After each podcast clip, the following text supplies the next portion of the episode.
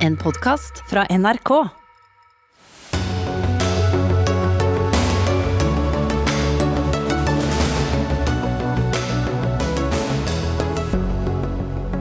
Portforbud i eh, Norge. Det vil regjeringen utrede, mens smittetallene stiger til rekordhøyder i kongeriket.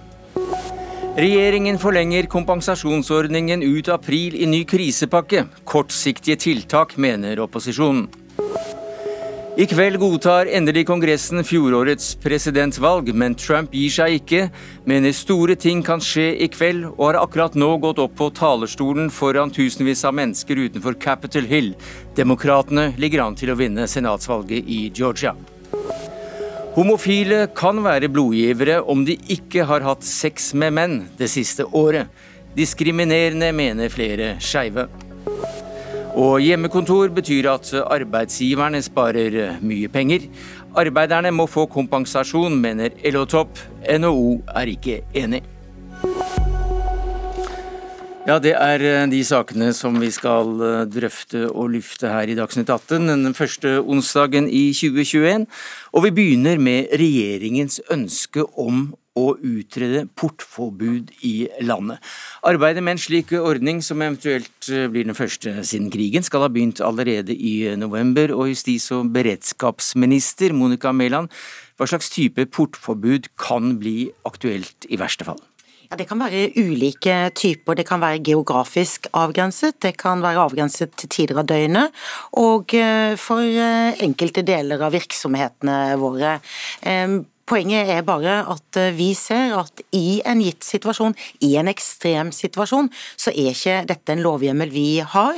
Og da for å være føre var, og ikke minst for en god prosess knyttet til dette, så kommer vi til å sende på forslaget ut på høring et forslag knyttet til dette. Men dere har allerede begynt å arbeide med en slik eh, utredning, og, og hva er det dere ser for dere? Ja, det er jo slik at Vi fortløpende fra 12. mars har sendt eh, en rekke lovforslag og forskriftsendringer eh, på høring, og gjort endringer fordi det har vært nødvendig. Det vi ser er jo at en del andre land har innført portforbud. De er ikke sammenlignbare med Norge. De har hatt en helt annen smittesituasjon. De har hatt et helsevesen i knestående. Vi husker bildene fra Italia. Og ikke minst eh, så har de hatt en helt annen bosituasjon enn det vi har. Men vi tenker at for å være føre var i en situasjon hvor eh, viruset endrer seg, hvor smittesituasjonen endrer seg dramatisk, og hvor vi skulle få det rådet fra våre helsemyndigheter, Helsedirektoratet, så må vi kunne ha et slikt eh, verktøy i verktøykassa. Men bare ordet portforbud, eh, det virker jo utrolig dramatisk. altså Da skal man ikke få lov å gå ut, i hvert fall til visse tider på døgnet, eller hva tenker du rundt det? Ja, Dette vil være veldig, veldig inngripende. Noe av det mest inngripende man kan tenke seg i et samfunn. og Derfor så må vi ha en lovprosess knyttet ja, til det. Jeg skjønner og, den lovprosessen, jo... at den skal være god og, og, og åpen, mm. men, men, dere ser vel for dere noen konkrete tiltak? Altså, er det slik at man da kan begrense folks bevegelsesfrihet utenfor hjemmet til visse tider, f.eks.? Ja, det betyr f.eks. at man ikke får bevege seg ut av hjemmet eh, annet enn mellom klokken da og da. Og Det betyr at alle virksomheter i prinsippet er stengt ned, med mindre vi har besluttet å holde noe åpent. Så dette går veldig, veldig langt, eh, og mye lenger enn den situasjonen vi hadde i mars, eh, som òg var veldig dramatisk for veldig mange. Mm. Kan det være for hele landet, eller for visse områder, f.eks. av Oslo, der smitten er spesielt spesielt stor, eller Trondheim den er spesielt stor? Ja, Vi tenker oss at eh, det må være en fleksibilitet, slik at eh, man kan tenke seg en geografisk eh, avgrenset situasjon i en veldig ekstrem situasjon. Men jeg har lyst til å understreke igjen, dette er en lovhjemmel vi håper vi aldri må Nei. benytte, men vi skal være føre var. Vi har sett situasjonen endre seg tidligere, og vi skal i hvert fall ha det verktøyet vi trenger i en slik situasjon. Hvem, hvem skal trykke på knappen? Er det kommunene eller de som eh, er nærmest eh, de områdene som ligger ligger dårligst an, eller er det regjeringen? Det er regjeringen som trykker på en slik knapp, men vi må jo ha et system som involverer Stortinget. For det første er det Stortinget som må vedta en sånn lovhjemmel, og for det andre så må vi ha et system hvor Stortinget kan intervenere i fall man er uenig med regjeringen. Helsedirektør i Helsedirektoratet, Bjørn Gullvåg. Hva skal til?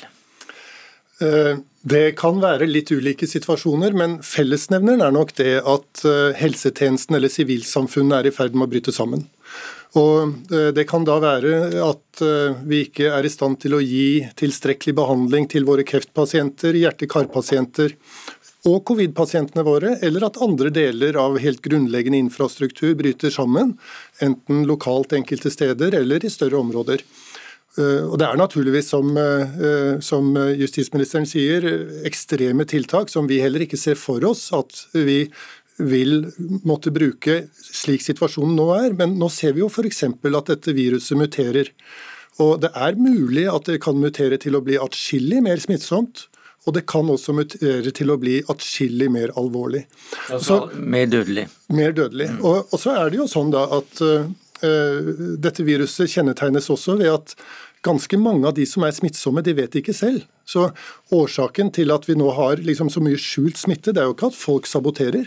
Det er rett og slett at folk ikke vet at de er smittet, og det gjør at hvis smittetrykket i samfunnet blir høyt nok, så kan det gjøre at det er så mye skjult smitte at det er umulig å holde, eh, holde eh, selve smittesituasjonen i sjakk. Portforbud, er det noe dere har etterlyst? Eh, I hvert fall å utrede? Ikke, ikke slik situasjonen er nå, men, Nei, men vi tror det er riktig. Men en utredning av regjeringen, har dere snakket med regjeringen om det sagt at det er idé? Vi har gitt innspill, og vi tror det er riktig å ha det i verktøykassen.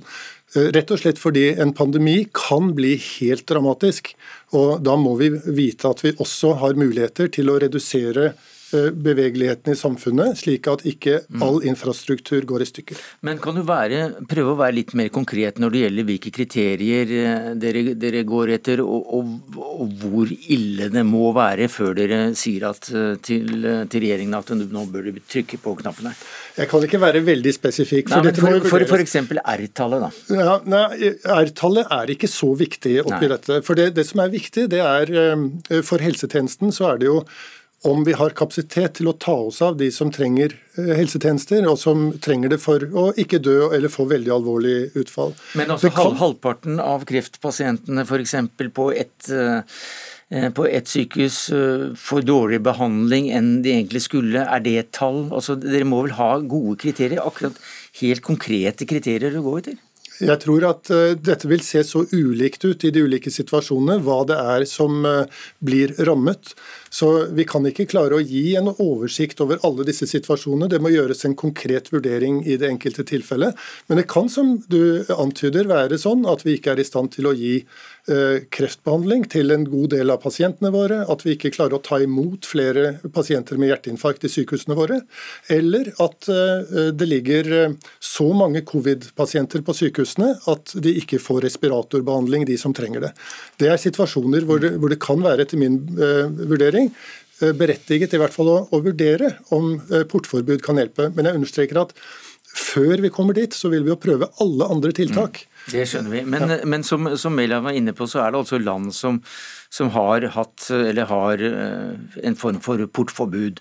Og Kjenner du nå til erfaringene derfra? Altså Betyr det da at man får, får smittetallene ned ganske kraftig?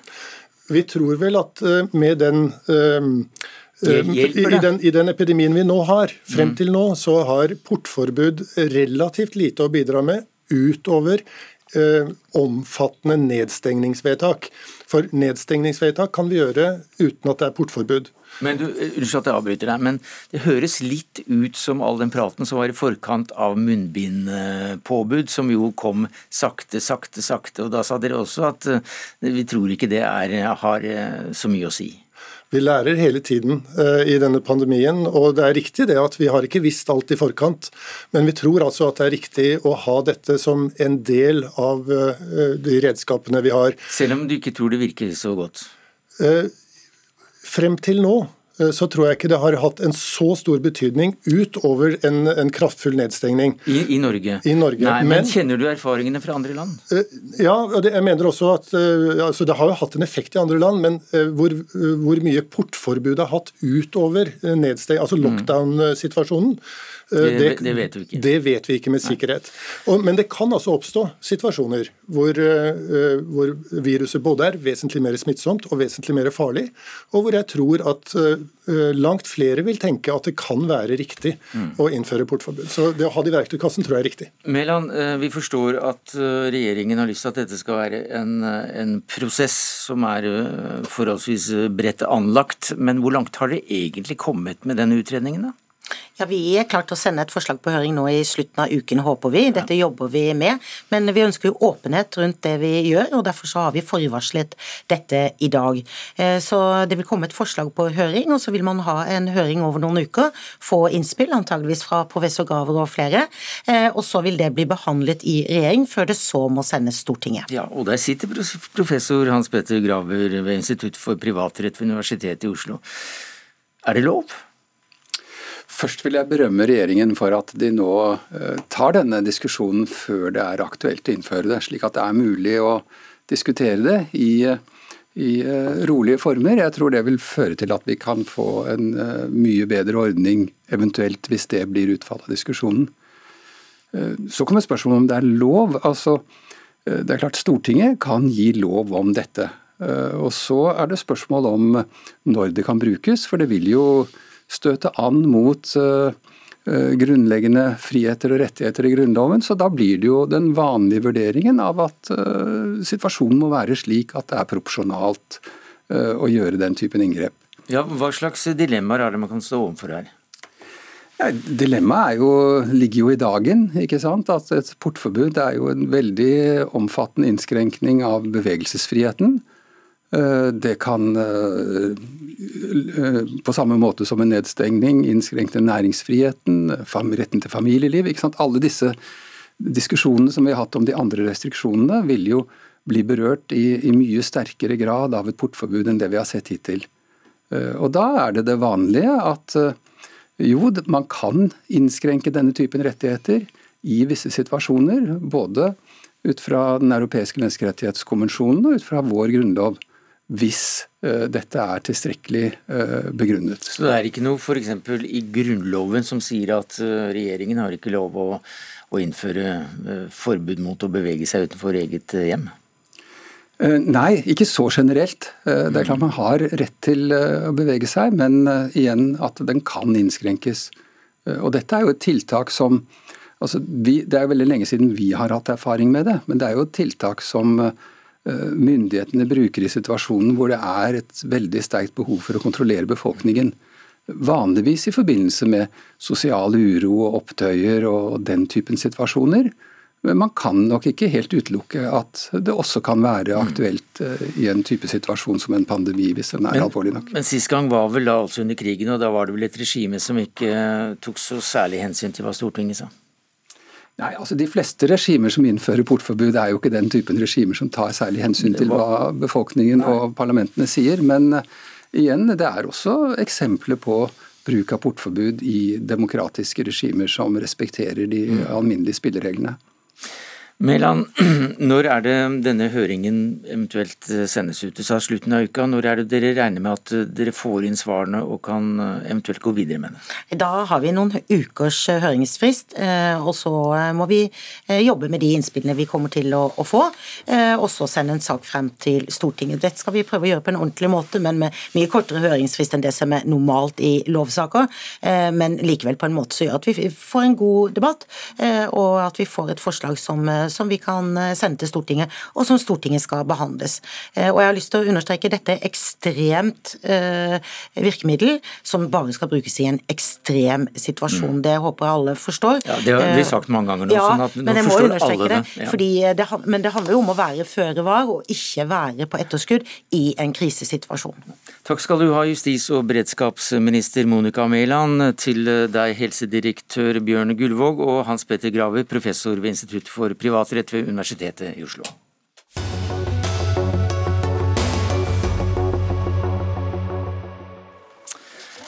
Da skal eh, vi ha mer eh, korona. For eh, i, på ettermiddagens pressekonferanse så var den knapt over. Eh, før de tre opposisjonspartiene Arbeiderpartiet, Fremskrittspartiet og Senterpartiet gikk ut og, og, nærmest slaktet regjeringens eh, krisepakke. Men før vi da slipper til eh, Senterpartilederen løs på, på deg, så får du raskt forklare oss hva som skjer med kompensasjonsordningen for næringslivet, Iselin Nybø, du er næringsminister for Venstre. Ja, For det første så er det viktig å få fram at mandag 18.1 da åpner vi for at eh, de bedriftene som har hatt omsetningsfall i september, oktober, november og desember, kan søke om støtte for det. Eh, så da er den oppe og går, og vi har sagt fram til nå den skal gjelde ut februar. Eh, I dag så har vi sagt at eh, vi forlenger den sånn at den varer ut april, med de samme reglene som, som gjelder for januar og februar. To altså, måneder. Ja, og at du må ha hatt 30% i omsetningsfall, og at du da kan få 80% av de faste uunngåelige kostnadene dekka. Er det det samme som i dag?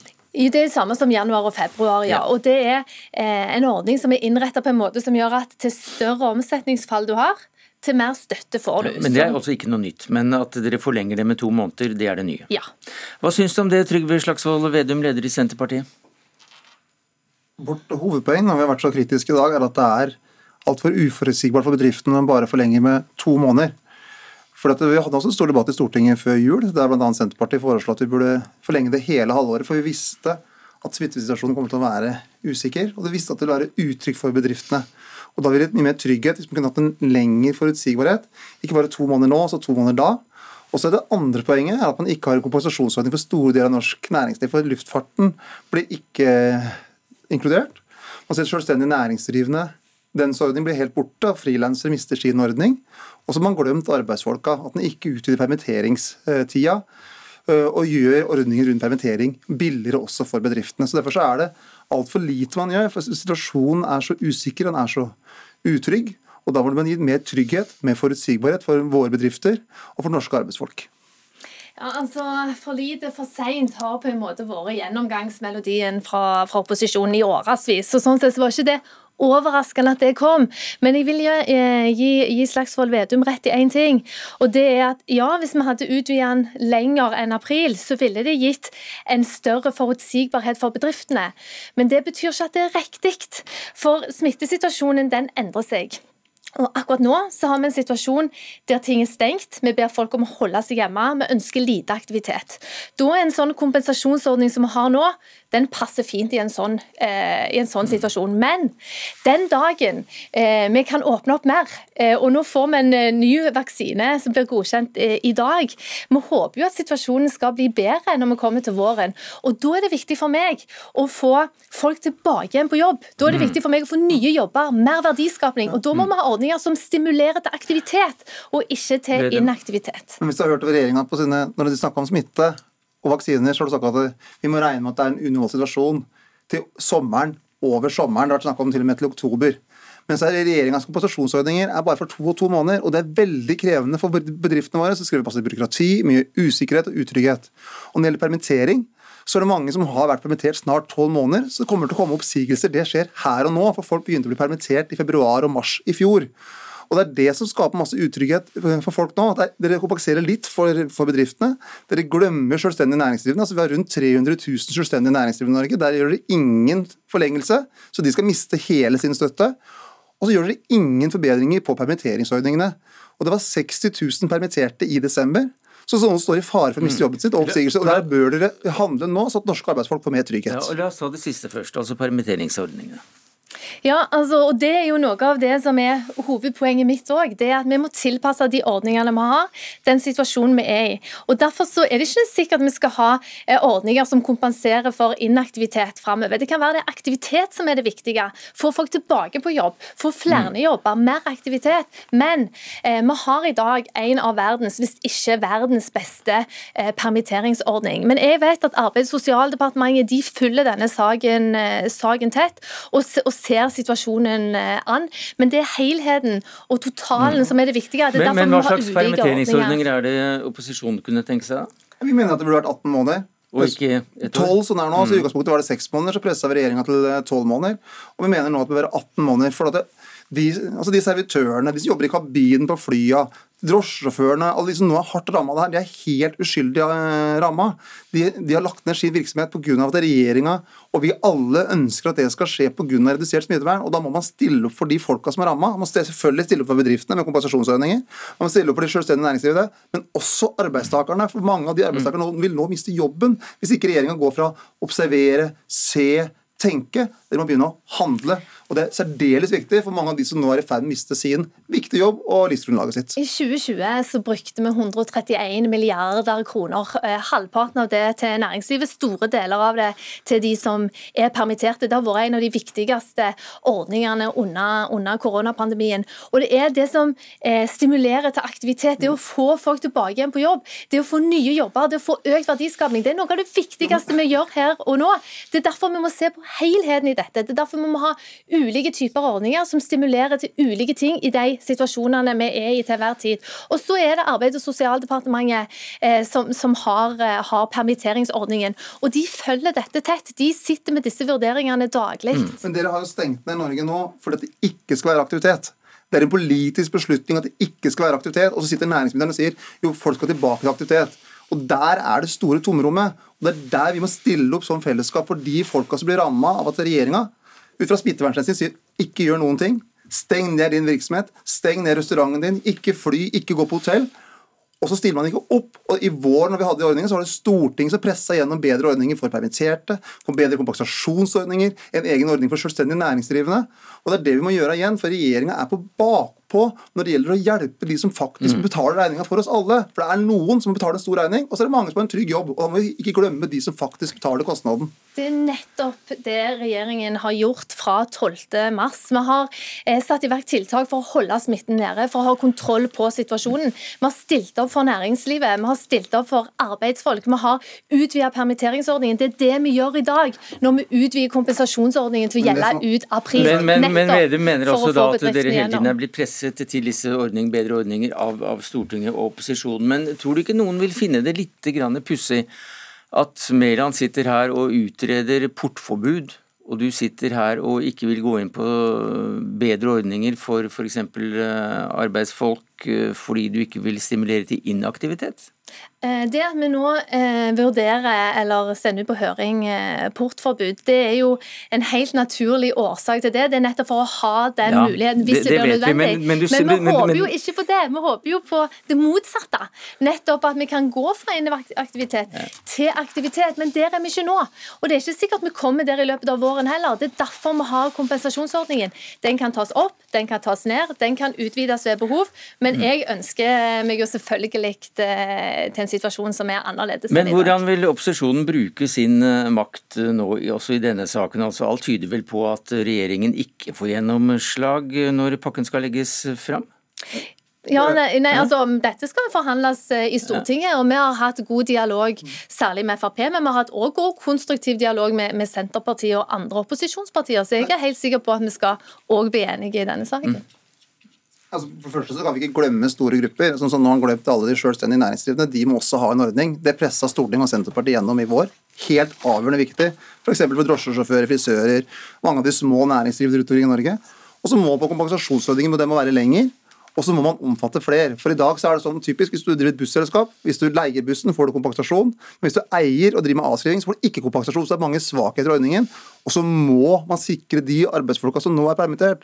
For hvis vi ikke får på plass bedre permitteringsordninger nå, så vil folk bli oppsagt. For tolv måneder har snart gått siden mars i fjor. Mm. Og det å skyve folk ut i ledighet nå, rett før at vi kanskje kan åpne opp Norge kanskje i august-september. Det er grunnleggende feil, og det er en stor stor kostnad. Mm. En del små bedrifter, store bedrifter, men ikke minst arbeidsfolka våre okay. skal betale. Det var så langt vi kom. Det blir også forhandlinger med, med, Stortinget de kommende dagene og ukene om denne krisepakka i kriker og kroker om Vandrehallen i Stortinget. Takk skal dere ha.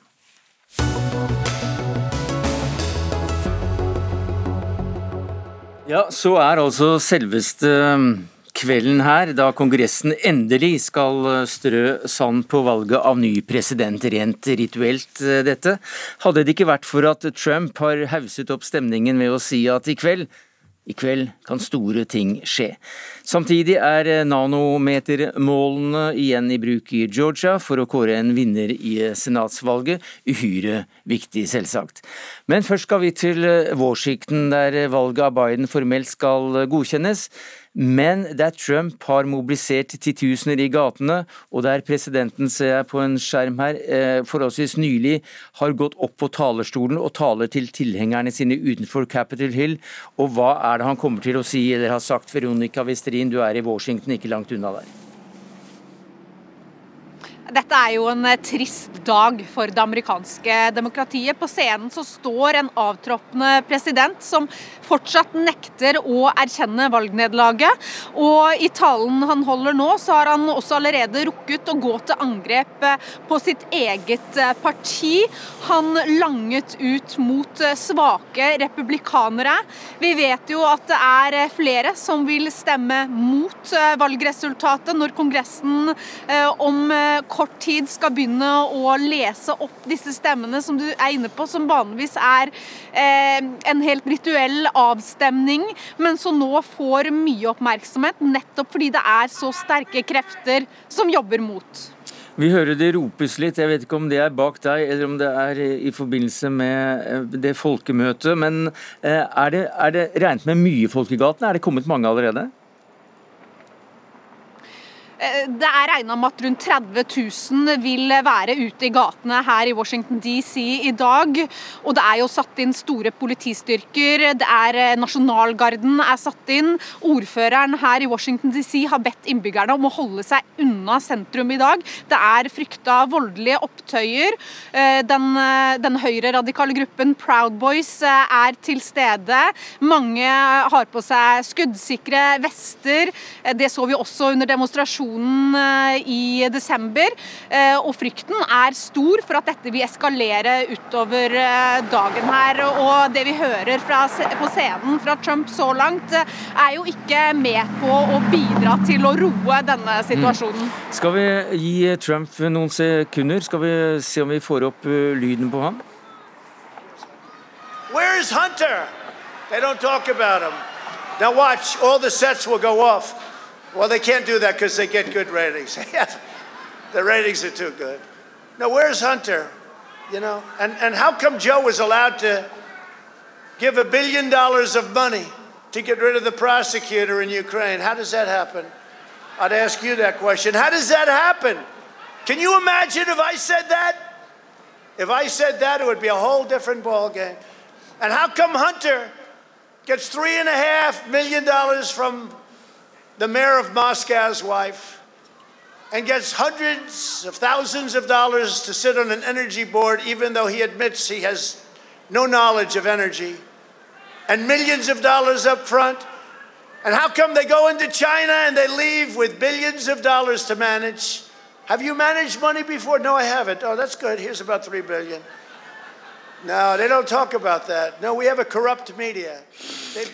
Korrupt media og angrep mot uh, Bidens sønn Hunter i forbindelse med det som uh, han mener er en skandale, finansiell skandale som uh, sønnen har gjort i Ukraina.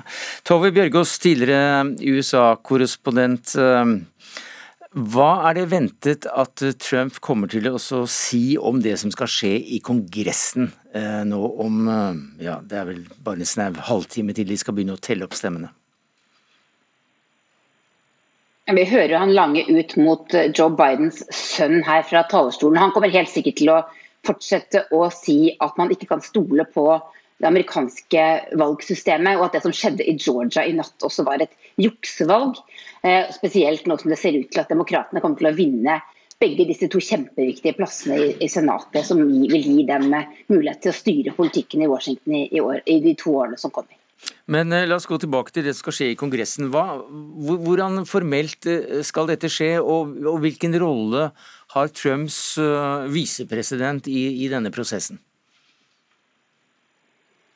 Ja, det er altså visepresidenten som formelt skal si at nå har Joe Biden vunnet valget. Det som skal skje i dag, er at de skal åpne konvoluttene med disse valgmannsstemmene fra de 50 delstatene og Washington DC i eh, Kongressen.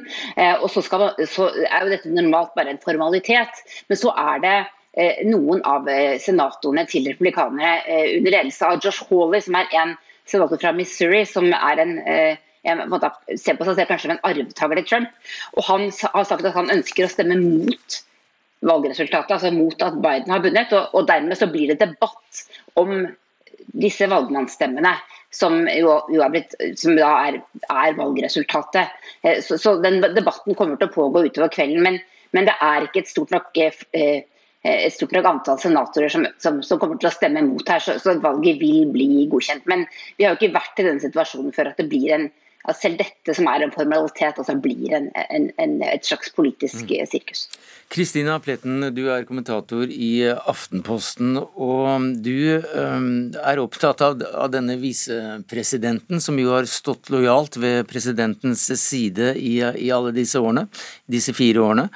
Uh, og det er også han som da skal bruke klubba og si den kommende presidenten heter Biden.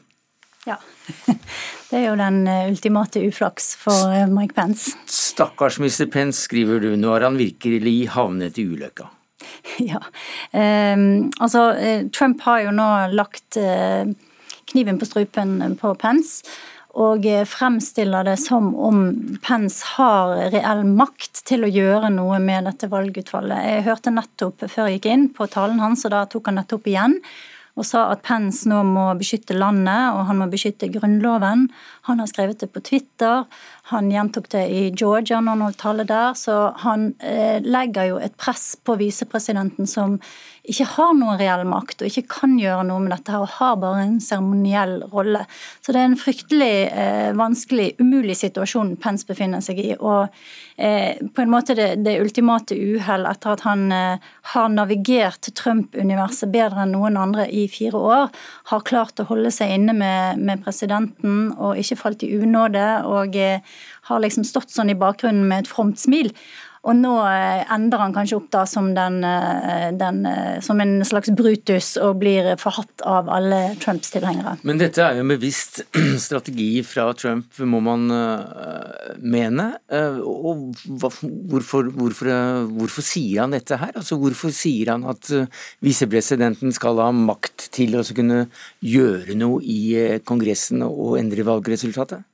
Eh, Trump var visstnok ikke klar over i det hele tatt at visepresidenten hadde denne rollen, og fikk vite det eh, ganske nylig og har da eh, brukt det som et slags halmstrå. Man vet jo aldri hvor mye av dette her Trump egentlig tror på selv, og hvor mye han bare driver og spinner et narrativ som eh, kan holde han i mediene, som kan holde tilhengerne i troen om at noe kan gjøres, og som kan på en måte virvle opp nok kaos til at kanskje det kan komme noe ut av det. Så mm. veldig usikker på eh, hvor mye av dette her Trump egentlig tror på selv. Det er et av de store spørsmålene, syns jeg. Men det er ikke bare Trump som eventuelt tror på det. Det er jo flere i Kongressen som også kommer til å støtte hans syn. altså til å, Eller som har annonsert at de kommer til å gå imot valgresultatet eller glemme valgmannsstemmene. Ja, altså De skal jo protestere mot, eh, mot stemmene i hver enkelt stat da, som de mener ikke har vært riktig gjennomført. Eh, men Altså, jeg tror ikke at disse senatorene og kongressmedlemmene tror at det har skjedd noe galt. Det har vært så mye beviser, det har vært så mange rettssaker. Det, det finnes ingen grunnlag for å si at det har vært noe valgfusk. Men allikevel så skal de gjøre det i kveld, og de kan bruke ja. to timer tror jeg, per delstat. Altså to timer per 50. Altså, det blir 100 timer de kan holde på hvis de, hvis de, skal bruke all sin tid. Og hvorfor er de interessert i å gå imot valgresultatet nå? Trolig er det bare snakk om en, en fem-seks delstater dette vil skje, så det, det vil ikke ta 100 timer. Men eh, det er jo det at det er en stor gevinst i potten her. Og det er de mange titalls millioner Trump-velgerne som tror på dette her. Og som vil følge etter den eh, som eh, vil støtte opp under Trumps narrativ og Trumps eh, vei videre. Så eh, Tove nevnte Hawley. Eh, Ted Cruz er en annen av de. De håper nok på at dette her skal gi de en, eh, en fordel frem mot 2024, hvis de har ambisjoner om å nå høyere enn Senatet. Men akkurat når det gjelder Pence, så har han da også gått glipp av muligens den støtten fordi at han blir satt i denne rollen og hauset opp, og han må bare være realistisk og, og ikke kunne omgjøre valget. Ja, altså han har vel ikke så mange muligheter. Han kan muligens si noe litt sånn ambivalent da, og, og, prøve å forklare dette i etterkant. Men i og med at Trump har vært så tydelig på at han er villig til å ofre Pence for dette eh, løgnaktige narrativet sitt, så tror jeg at Pence fremtid som eh, presidentkandidat den henger i en veldig tynn tråd nå. Mm, etter fire år som lo lojal medarbeider. Eh, vi skal tilbake til eh, senatsvalget, som jo har vært uhyre spennende og, og veldig viktig. Veronica Westrin, eh, du er fremdeles i Washington, men du kom vel hjem fra Georgia i dag. og Hva er de siste eh, tallene der? Hvordan, hvordan ligger eh, demokratene an? Alt tyder jo på at eh, demokratene får disse to viktige setene i Kongressen, noe som gjør at eh, demokratene da eh, får et flertall i Senatet. Det som har skjedd i Georgia er jo veldig stort. Dette er en stat som de siste tiåra har vært republikansk, men det er også noe som har bygd seg opp over tid her. For et par år siden så var det jo denne guvernørkandidaten Stacey Abrams som fikk mye oppmerksomhet da hun nesten fikk eh, guvernørposten. Hun har vært med på å mobilisere mange afrikansk-amerikanske velgere. Jeg har snakka med mange i Georgia de siste dagene som sier at de oppfatter seg sjøl som veldig viktig. Og det har jo vært en voldsom mobilisering for å få svarte velgere ut til stemmeurnene. Det var gospelmusikk og arrangementer og frivillige som har reist ned til Georgia og banka på dører og brukt juleferien sin på det. Og det ser altså ut til å ha gitt eh, resultater. Og så er det jo spennende med disse to kandidatene. Raphael Warnock som eh, er eh, den første afrikansk-amerikanske senatoren som blir sendt fra Georgia noen gang. Og han blir nok ikke den siste som blir det fra sørstatene, for der er de flinke til å mobilisere. Og han sa det jo også i den seierstalen han, eh, han holdt eh, i natt, at bestemora hans var med å Eh, plukke bomull og samle inn eh, bomull. Og nå er det de samme hendene som, som gikk ut og stemte på han. Og det, denne historien eh, fra raseskilletiden i Georgia, den pre preger delstaten veldig. Har reist eh, mye rundt, og mange forteller tilsvarende historier. Så dette er stort, særlig for det svarte miljøet der nede. Det er jo en tredjedel av delstatens innbyggere som er afrikansk-amerikanske. Takk skal du ha, Veronica Westrin. Vi hører at elbilene har ikke tatt over hele Washington her, men vi hørte i hvert fall uh, din oppsummering av hvor viktig dette her, hvor spesielt det er. Og Tove Bjørgaas, uh, hvorfor er akkurat dette senatvalget så veldig viktig? Det er jo fordi eh, det var før eh, dette valget 48 til eh, demokratene og 50 til republikanerne etter valget 3.11. Nå blir det 50-50 i Senatet. Det betyr at demokratene kommer til å bestemme agendaen der, og at visepresident Camilla Harris kan stemme med demokratene. og Dermed så kan de f.eks. vedta større redningspakker etter pandemien, de kan vedta store infrastrukturprosjekter, de kan sørge for at Joe Bidens regjeringsmedlemmer vil bli godkjent. De kan til og med utnevne høyesterettsdommere, og kommer ikke til å være avhengig av eh, eh, republikanerne for å få til det. Kristina Pletten, eh, hvor oppsiktsvekkende eller hvor nytt eller hvor fantastisk vil mange si det er det at det faktisk kommer en, en svart senator fra Georgia? Det er faktisk mer oppsiktsvekkende enn man skulle tro. Det har faktisk aldri vært en demokratisk eh, senator fra sørstatene. Det fins en republikaner, Tim Scott, fra South Carolina. Eh, men alt i alt i amerikansk historie så har det bare blitt valgt seks eh, svarte senatorer.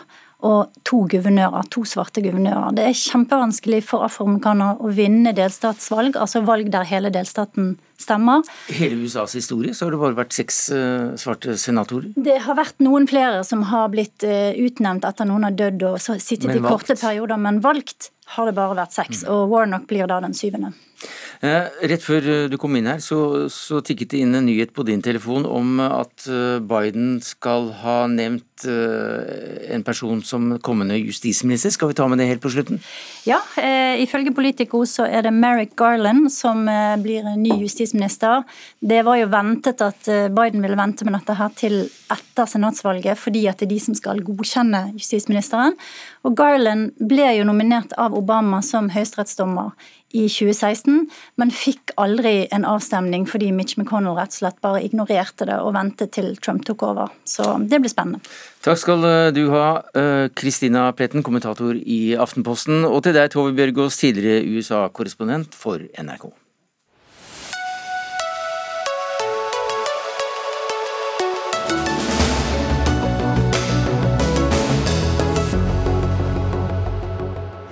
Ja, Det er eh, mangel på blod på norske sykehus, blodbanken. Særlig manneblod er eh, attraktivt. Det skal være mer jernholdig, blant annet. Først i 2017 så fikk homofile derimot lov til å gi blod, men bare de som ikke hadde hatt sex med andre menn det siste året. Og dette reagerer du på, Magnus Svensson Oterholm, du er kommunerepresentant for SV. Hvorfor det? Ja, jeg er her i privat regi. Ja. Ikke, ja. Eh, Men du er nå kommunerepresentant også, da? Ja, ja. ja. Eh, jo, jeg syns jo det er veldig diskriminerende. Da jeg fylte 18, så, eh, så meldte jeg meg som blodgiver. Det, det, fikk jeg ikke lov til å gjøre. jeg fikk ikke lov til å gi, gi blod fordi jeg da hadde hatt sex med, med andre menn. Jeg har senere skjønt at det var på grunn av hva heter det, ikke, ikke min seksuelle legning, men pga. Eh, seksuell aktivitet. Altså hyppig bytte av sexpartner. Ja, Har du ikke forståelse for det, hvis det absolutt, innebærer en økt smittefare? Absolutt, hvis det handler om smitte, men det jeg syns er spesielt, er at eh, et heterofilt par som har vært sammen i Altså hvis du, ikke, hvis du er heterofil og ikke har byttet sexpartner, og ikke har byttet sexpartner Eh, de siste seks månedene, så får du lov til å gi blod. Men hvis du er homofil og ikke har byttet sexpartner de siste seks månedene, så får du ikke lov til å gi blod. Ja, Gir det mening da, Ingeborg Hagerup Jensen, du er seniorrådgiver i helserett og bioteknologi i Helsedirektoratet? Ja, hei. Nei, det, først vil jeg si at Vi er jo glad for at det er mange som vil gi blod. Det viktigste for oss som skal forvalte dette regelverket og, og, gi veiledning til hvordan blodbankene skal etterleve det, det er at det skal være trygt og sikkert å få blod. Ja, men Du hørte, du hørte, du hørte den urettferdigheten ble nevnt her. Hva syns du om den? Ja, og grunnen for at Vi, vi har jo da satt regler som eh, Det er gitt regler, de er basert på, på eh, både på EU-direktiver og veiledning. og vi støtter oss jo også tungt på Folkehelseinstituttet og vårt fagråd i transfusjonsmedisin. Men så selve argumentet, men, men, unnskyld at jeg avbryter deg, men så selve argumentet. Altså, hvor, hvorfor, eh, hvorfor er det ene lov og ikke det andre? Det er fordi at det er dokumentert at blant menn som har sex med menn, så er det høyere forekomst av seksuelt overforbare sykdommer som også kan smitte via blod. Eh, og Da er det veldig veldig viktig for oss å gjøre alt vi kan for å sikre at ikke en sårbar pasient kan ende opp i en mm. situasjon hvor han får blod som faktisk inneholder smitte. Otteron, hva sier du til det? Jo, absolutt. Altså, helse er jo, det, det er jo superviktig at det blodet er friskt. Ja. Men um, jeg, jeg, stiller meg jeg, jeg forstår det ikke, da. At det, at det skal være noe forskjell. Er det forskjell? Ja, det som er, er som du sier, det er, det er dessverre sånn at ingen tester er 100% Hadde de vært det, så hadde det vært enklere.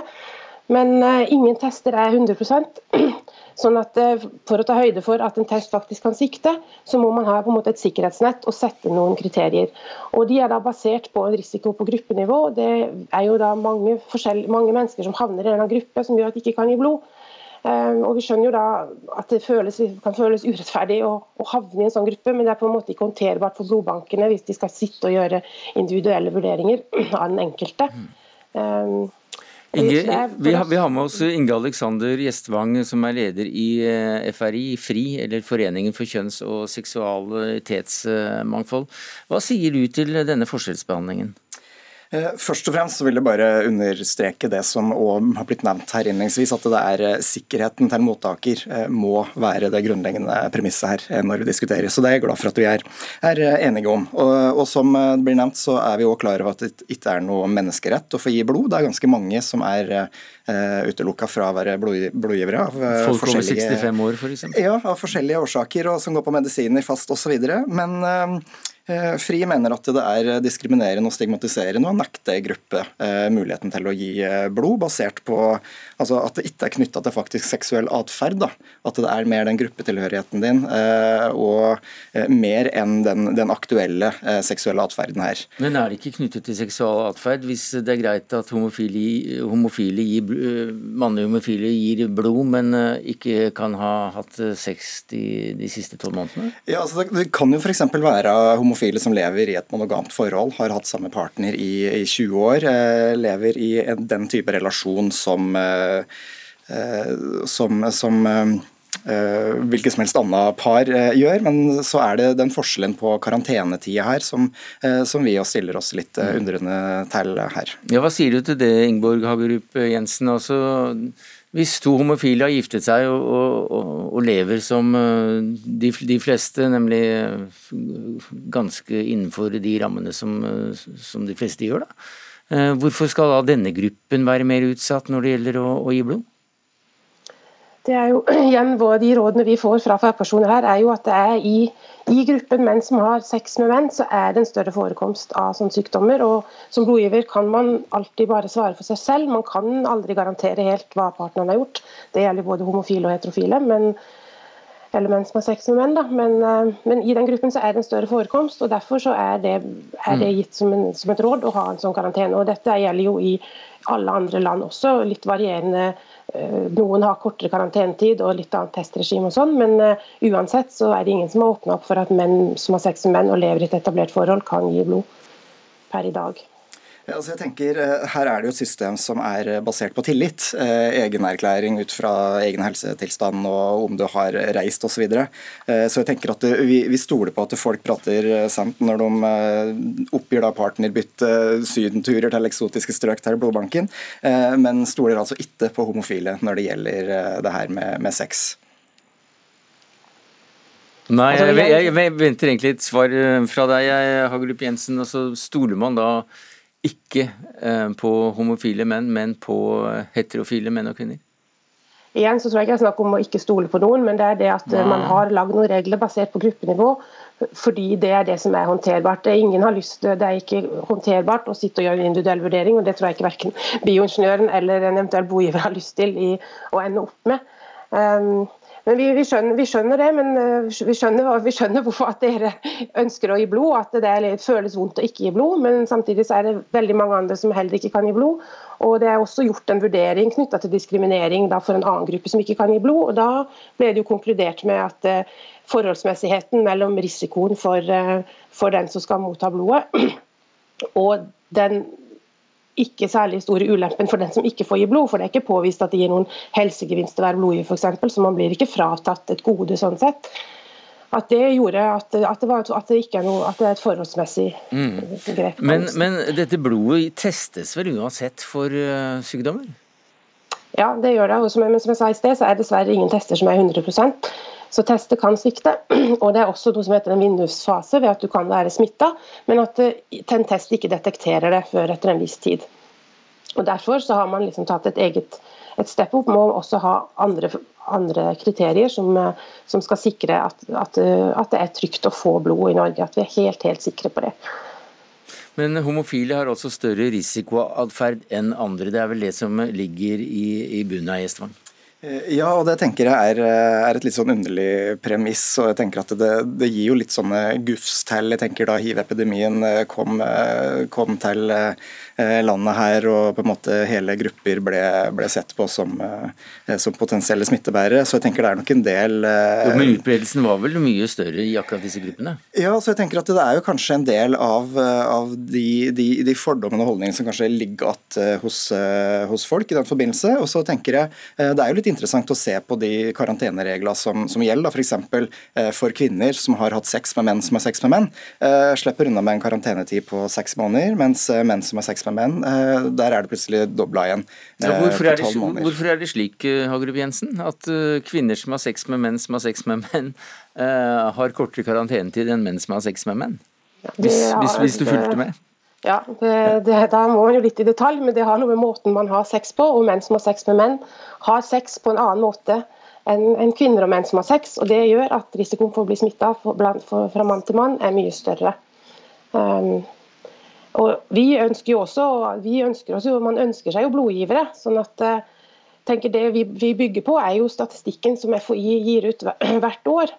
Og den dagen man, man, ser at smittepresset Man ser jo nå altså hiv går ned, men det er delvis fordi man, eh, man, at folk bruker sånne PREP-preparater. Men så ser man da på f.eks. syfilis at det ikke går ned på samme måte. Som viser at eh, en del personer utøver altså ikke beskytter seg og har sex på en risikofylt måte. Jo, men, den dagen de tallene,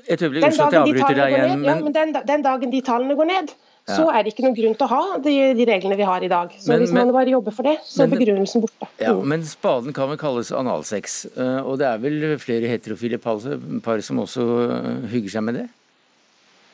Vet du, det, det, tror jeg ikke jeg skal gå inn på og mene noe om. Nei, men Det henger, det henger vel sammen? Men, ja, I vurderingen? Men, men, eh, ja, men det er igjen det at eh, i, i, i, gruppen blant heterofile så er ikke smittepresset like stort som det det er blant menn som har sex med menn. Det er en statistikk da, med hvor mange mm. nysmitta man har hvert år. og den type ting. Markus Svensson Oterholm, eh, det var du som kom med dette her, og, og er for så vidt caset vårt her, da. Hva, hva sier du til dilemmaet med ikke å ha sex med menn på et år kontra det å gi blod? Eh, da velger jeg det første, holdt jeg på å si. Mm. Eh, da, eller nei, da, nei, herregud, Da velger jeg å ikke gi blod. Mm. Da må det dessverre bli sånn, og da er det jo også veldig rart å um, Eller ikke rart, men da, da mister jo i hvert fall én blodgiver, da. Ja. Takk skal du ha, Markus Svensson Oterholm. Takk til Inge Alexander Gjestvang, leder i FRI, og til eh, deg på, på Skype, Ingeborg Hagerup Jensen. Du er senior, seniorrådgiver i helserett og bioteknologi ved Helsedirektoratet.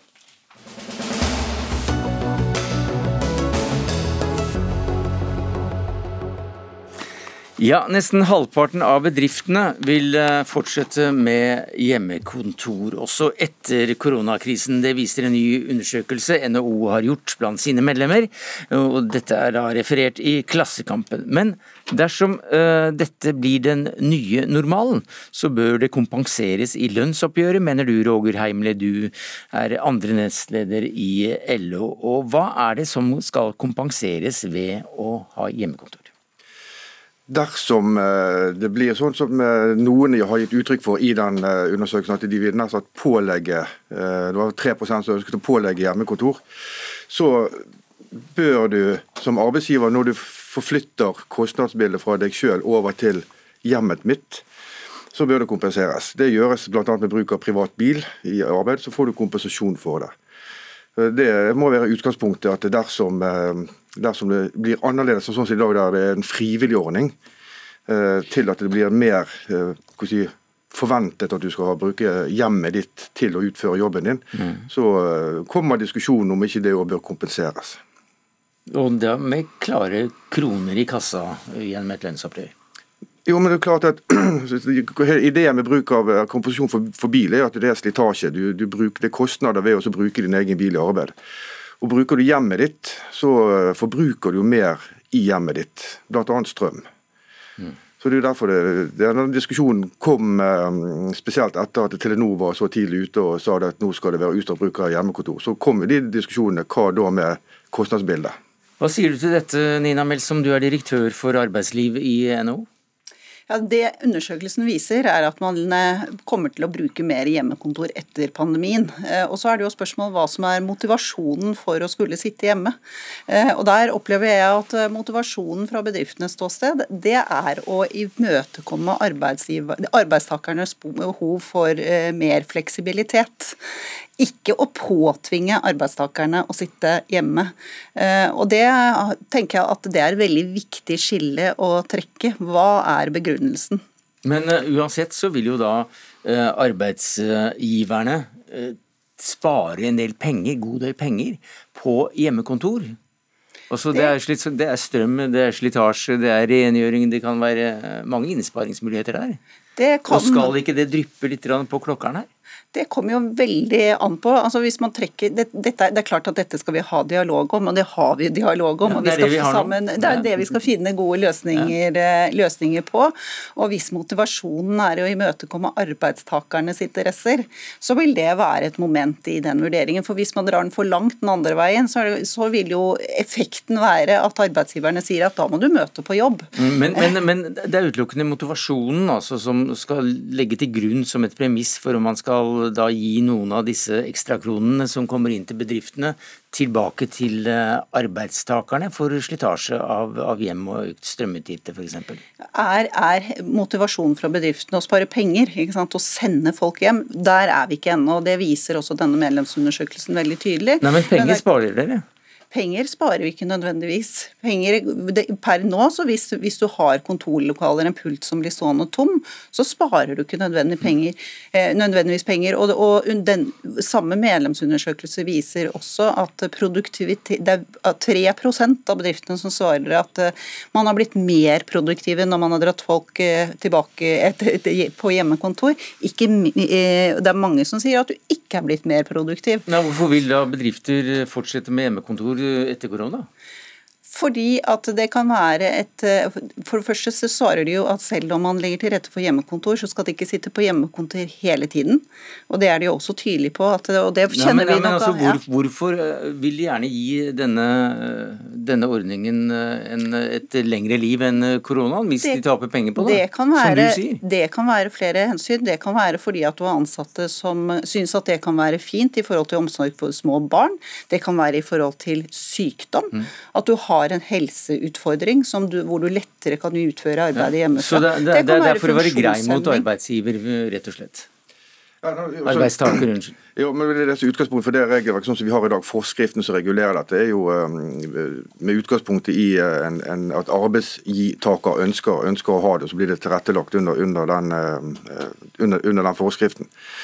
Men, men, det er jo gjerne det som, som liksom nå fremtrer, at det blir en økt forventning om at det skal være økt bruk av hjemmekontor. og Da endrer jo diskusjonen seg litt.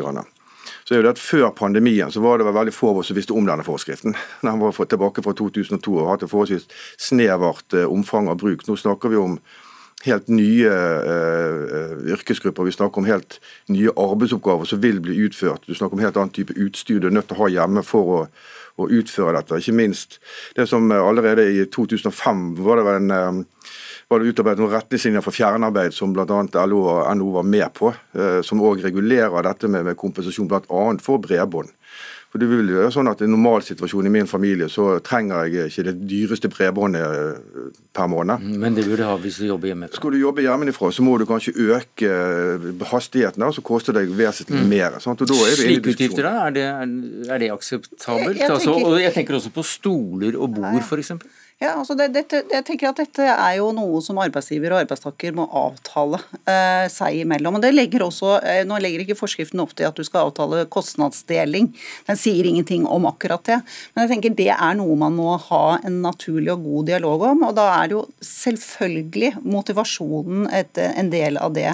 Eh, og sett fra bedriftenes ståsted, så er det klart at det har vi jo kjent på også nå under pandemien. Noen bedrifter så syns jeg at det kan være hensiktsmessig at man gjør jobb hjemme, mens andre oppgaver er mindre hensiktsmessig at man gjør hjemmefra.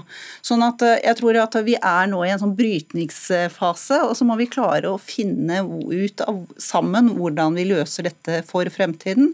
Og da er jeg litt inne på at for en del oppgaver for en del tilstander, altså omsorg for små barn, sykdom, eh, inkluderingsperspektiv, så kan det ha en del plusser som man skal dra med seg videre. Mm. Og så har det noen negative sider, hvor man må eh, i forhold til produktivitet, i forhold til utviklingsarbeid, i forhold til bedriftsutvikling, hvor man hvor det er mer formålstjenlig at du er på jobb. Det, det, er en litt annen skål. men... Uh vi har ganske kort tid igjen, men altså i dag så blir vi jo sendt hjem.